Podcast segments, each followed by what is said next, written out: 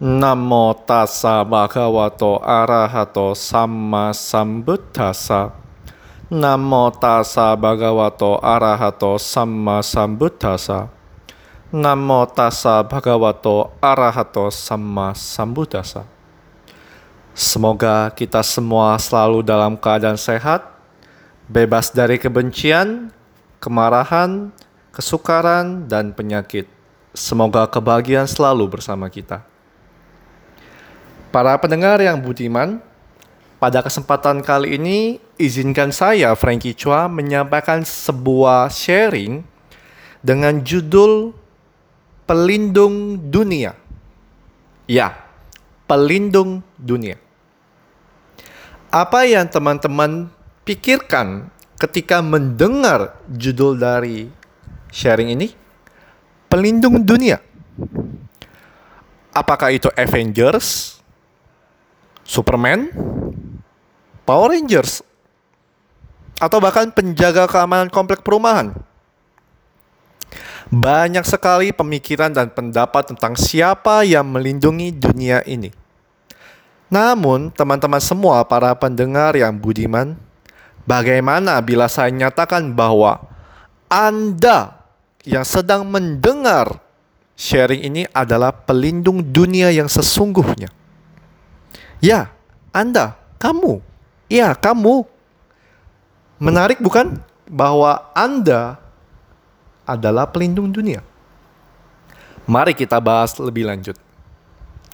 Dalam konsep ajaran Buddha, terdapat dua pelindung dunia atau loka paladhamma, yakni hiri, perasaan malu untuk melakukan hal yang tidak baik, serta otapa, perasaan takut akan akibat dari perbuatan yang tidak baik. Hiri dan otapa ini menjadi dua komponen pelindung dunia yang mana dua komponen ini berasal dari diri setiap individu yang diwujudkan dalam aktivitas keseharian. Hiri dan otapa yang terdapat dalam diri Anda, diri saya, itulah yang menjadi pelindung dunia. Kedua komponen tersebut bila mampu dimiliki dan direalisasikan dalam kehidupan sehari-hari, maka manfaatnya itu akan sangat besar dapat menciptakan keharmonisan dunia. Bila semua individu memiliki hiri dan otapa, maka individu tersebut sudah berperan sebagai pelindung dunia dengan tidak menimbulkan banyak permasalahan.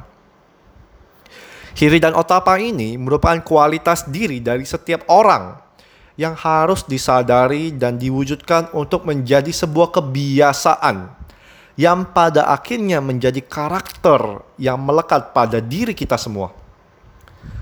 Kedua komponen ini juga luar biasa loh, karena kedua komponen ini menjadi pencegah dan penghalang terhadap semua perbuatan yang tidak baik. Bila perbuatan tidak baik dilakukan, maka akan menerima akibat yang tidak baik pula. Mengikuti hukum karma, hukum tabur tuai.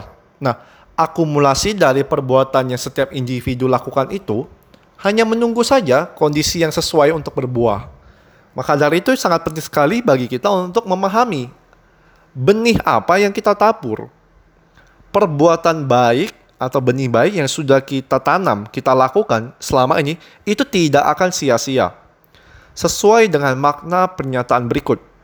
Bila kita berbuat baik, walaupun rezeki belum datang, namun mara bahaya sudah menjauh. Untuk itu, teman-teman para pendengar yang budiman, satu hal penting sekali yang harus ditekankan adalah bagaimana kita bisa meningkatkan kualitas hiri dan otapa dalam kehidupan kita sehari-hari. Hal itu dapat dimulai dengan here and now, saat ini dan sekarang melalui pikiran kita dengan melakukan hal tersebut, memiliki hal tersebut, mempraktekkan hal tersebut secara konsisten dalam kehidupan sehari-hari, maka akan menjadi kebiasaan yang melekat dalam diri kita.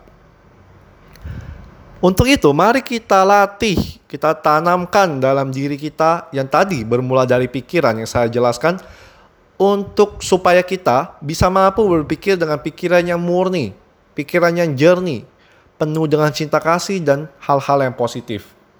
Harapannya adalah dari perhatian pikiran tersebut mampu mengasah diri dan otak kita untuk selalu ada dalam diri kita. Karena apa? Karena pikiran kita ini sangat cepat sekali berubah. Sangat besar, sangat luas, sangat sulit untuk dikendalikan. Teman-teman, saya berikan contoh bukti nyata bahwa pikiran kita ini sangat cepat sekali berubah, sangat liar sekali, sangat sulit untuk dikendalikan. Teman-teman mohon untuk fokus pada pendengar.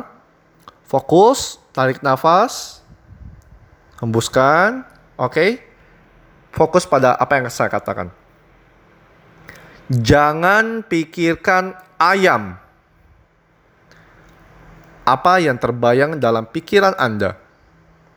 ketika saya bilang jangan pikirkan ayam, apakah muncul gambar ayam? Apakah terlintas di pikiran teman-teman semua sesuatu yang berkaitan dengan ayam? Bila iya jawabannya, bisa kita renungkan masing-masing. Hal ini merupakan salah satu bukti dan dari ciri bahwa pikiran kita tuh sangat sulit untuk dikendalikan. Walaupun saya bilang jangan pikirkan ayam, tapi langsung otomatis pikiran kita memvisualisasikan ayam ataupun sesuatu yang berkaitan dengan ayam. Pikiran ini menjadi aspek pertama yang sangat penting. Ini seperti juga terdapat dalam Dhammapada Yamakawaga. Sang Buddha mengatakan bahwa dalam ayat 1, pikiran adalah pelopor dari segala sesuatu, pikiran adalah pemimpin, pikiran adalah pembentuk. Bila seseorang berbicara atau berbuat dengan pikiran jahat, maka penderitaan akan mengikutinya. Bagaikan roda pedati mengikuti langkah kaki lembu yang menariknya. Bayangkan teman-teman, bila seseorang berbicara atau berbuat dengan pikiran jahat, maka penderitaan itu langsung muncul. Bagaikan roda pedati mengikuti langkah kaki lembu yang menariknya. Penderitaan, kesakitan, kesukaran itu muncul. Namun di ayat 2 Sang Buddha mengatakan bahwa pikiran adalah pelopor dari segala sesuatu. Pikiran adalah pemimpin, pikiran adalah pembentuk, Bila seseorang berbicara atau berbuat dengan pikiran murni, maka kebahagiaan akan mengikutinya. Bagaikan bayang-bayang yang tidak pernah meninggalkan bendanya. Semakin banyak kita berbuat kebajikan, berucap atau bertingkah laku dengan pikiran murni atau pikiran positif, maka kebahagiaan itu akan muncul teman-teman, akan semakin terang yang membawa pengaruh positif ke dalam kehidupan kita.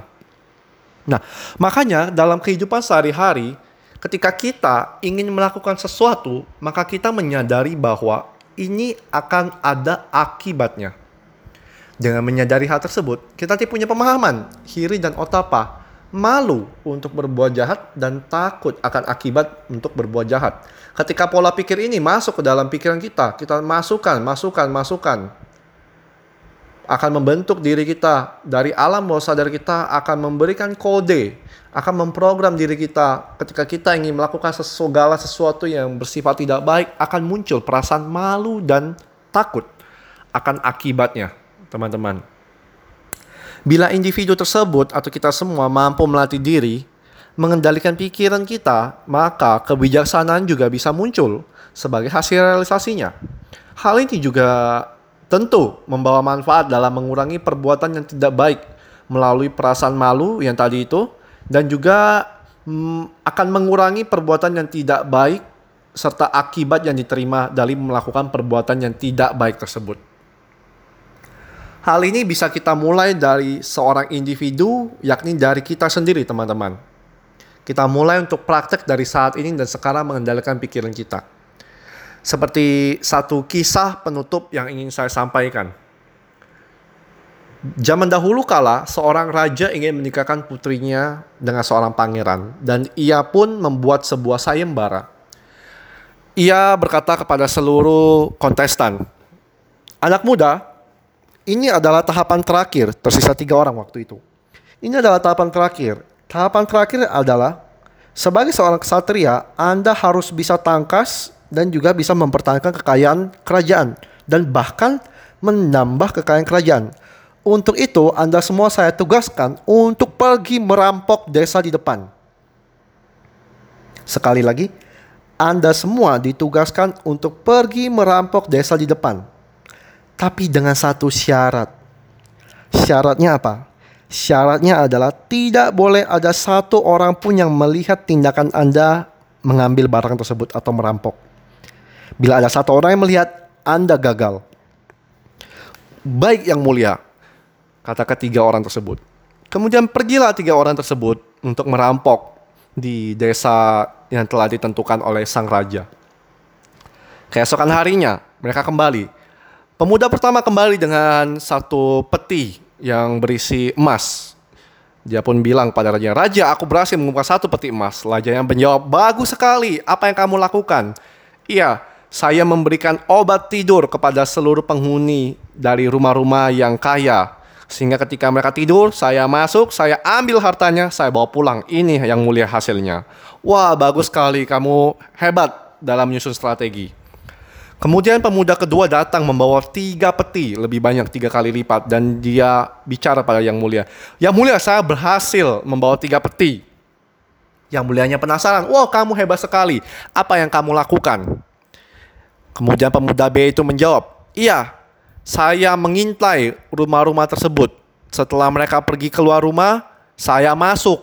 Saya ambil semuanya. Saya sudah jadwalkan, saya sudah agendakan. Saya lihat kebiasaan mereka keluar rumah jam berapa. Wah, luar biasa sekali. Kamu jeli sekali dalam mengamati kondisi. Bagus, bagus. Kemudian si anak C datang. Kemudian dia tidak membawa apa-apa. Yang mulia pun bingung. Yang lain mentertawakannya. Kamu kenapa tidak membawa apa-apa? Si C menjawab. Yang mulia, saya pergi ke desa tersebut di tengah malam. Di rumah itu benar-benar kosong, tidak ada sama sekali orang.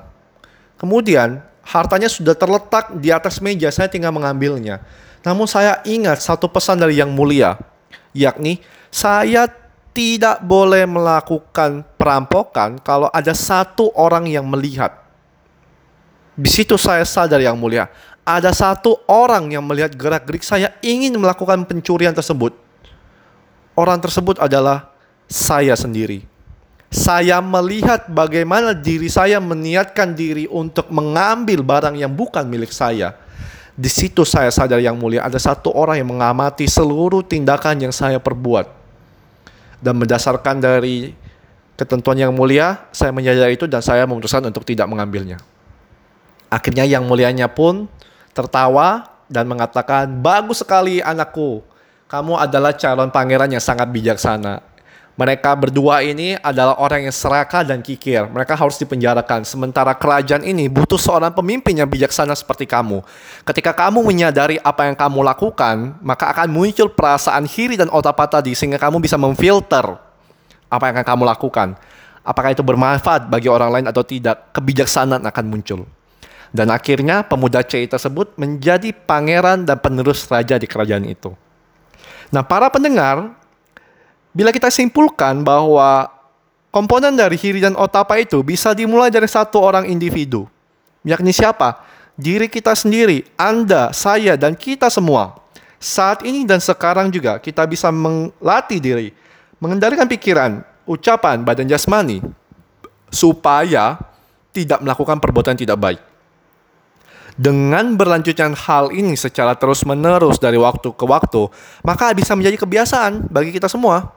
Bayangkan teman-teman, bila setiap individu mampu melatih diri dan mengendalikan diri, maka perbuatan bajing akan selalu dilakukan. Efek dari perbuatan bajing tersebut akan meluas dan bisa melindungi diri kita sendiri, keluarga kita, lingkungan kita, kota, provinsi, negara, bahkan menjadi pelindung dunia. Bila manfaat positif ini bisa diduplikasikan kepada seluruh orang, maka manfaatnya adalah bisa melindungi seluruh isi dunia.